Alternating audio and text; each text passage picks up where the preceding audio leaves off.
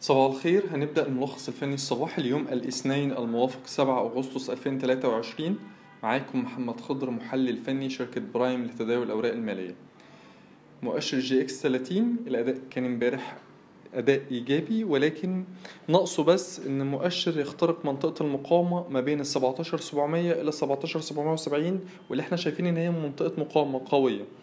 طب لما يكسر ده رؤي- رؤيتنا عليه أو نظرتنا عليه هتتغير لإيجابية؟ وممكن يستهدف تاني مستوى المقاومة الرئيسي عند 18100 بالنسبة لي مؤشر EGX 70 نفس الكلام كان الأداء خلال تعاملات جلسة امبارح إيجابي. كسر أول مستوى مقاومة عند 3544 لكن اللي يهمنا إن هو يتجاوز أيضا مستوى المقاومة التالي عند 3590 عشان نتأكد من عودة الزخم مرة تانية للاتجاه الصاعد قصير المدى بمعنى قدرته على الاستمرار.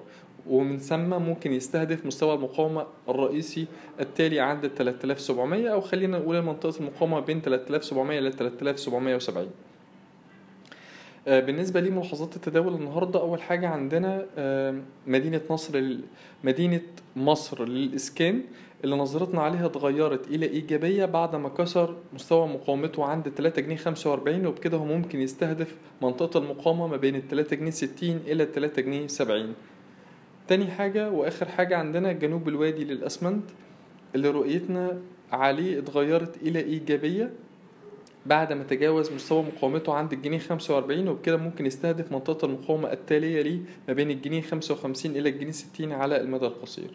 شكرا.